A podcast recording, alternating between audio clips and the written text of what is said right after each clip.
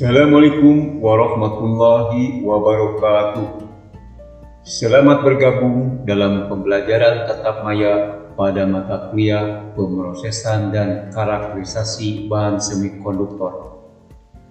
Pertama-tama saya ucapkan terima kasih pada Anda semua yang telah mengambil mata kuliah ini yang merupakan mata kuliah yang masuk pada rumpun mata kuliah kelompok bidang kajian fisika material.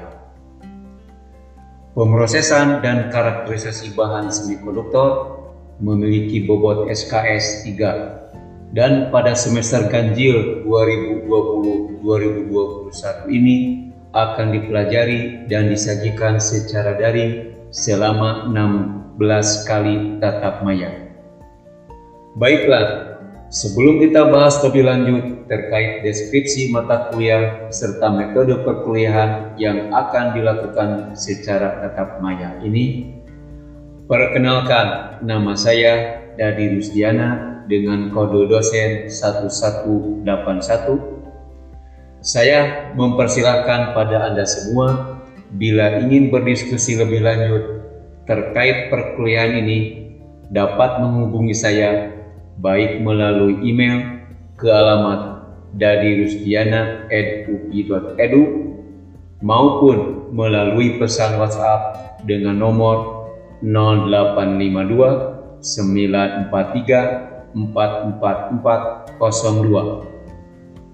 Baiklah saudara-saudara, mata kuliah pemrosesan dan karakterisasi bahan semikonduktor merupakan mata kuliah keahlian dengan status pilihan program studi pada kelompok bidang kajian fisika material.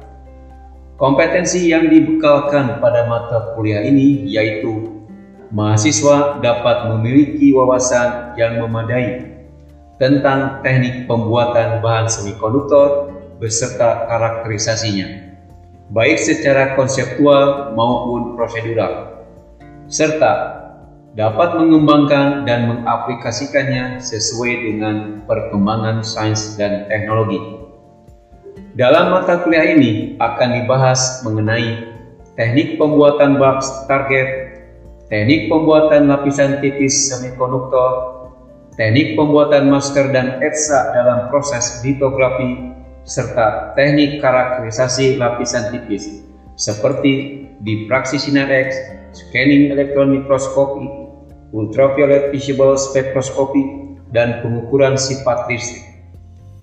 Proses pembelajaran yang akan dilakukan menggunakan metode diskusi dan eksperimen secara daring.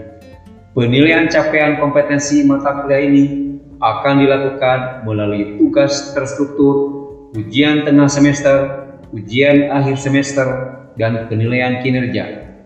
Sehingga harapan yang ingin dicapai selama mengikuti perkuliahan ini adalah mahasiswa mampu bekerja sama dalam menyelesaikan masalah, mampu menjelaskan secara konseptual dan prosedural tentang teknologi pembuatan lapisan tipis dan penerapannya, terampil dalam pembuatan lapisan tipis semikonduktor, serta mampu mendesiminasikan hasil analisis data karakterisasi Demikianlah penjelasan pada pertemuan Maya kali ini terkait cakupan materi perkuliahan pemrosesan dan karakterisasi bahan semikonduktor beserta penilaian kompetensinya.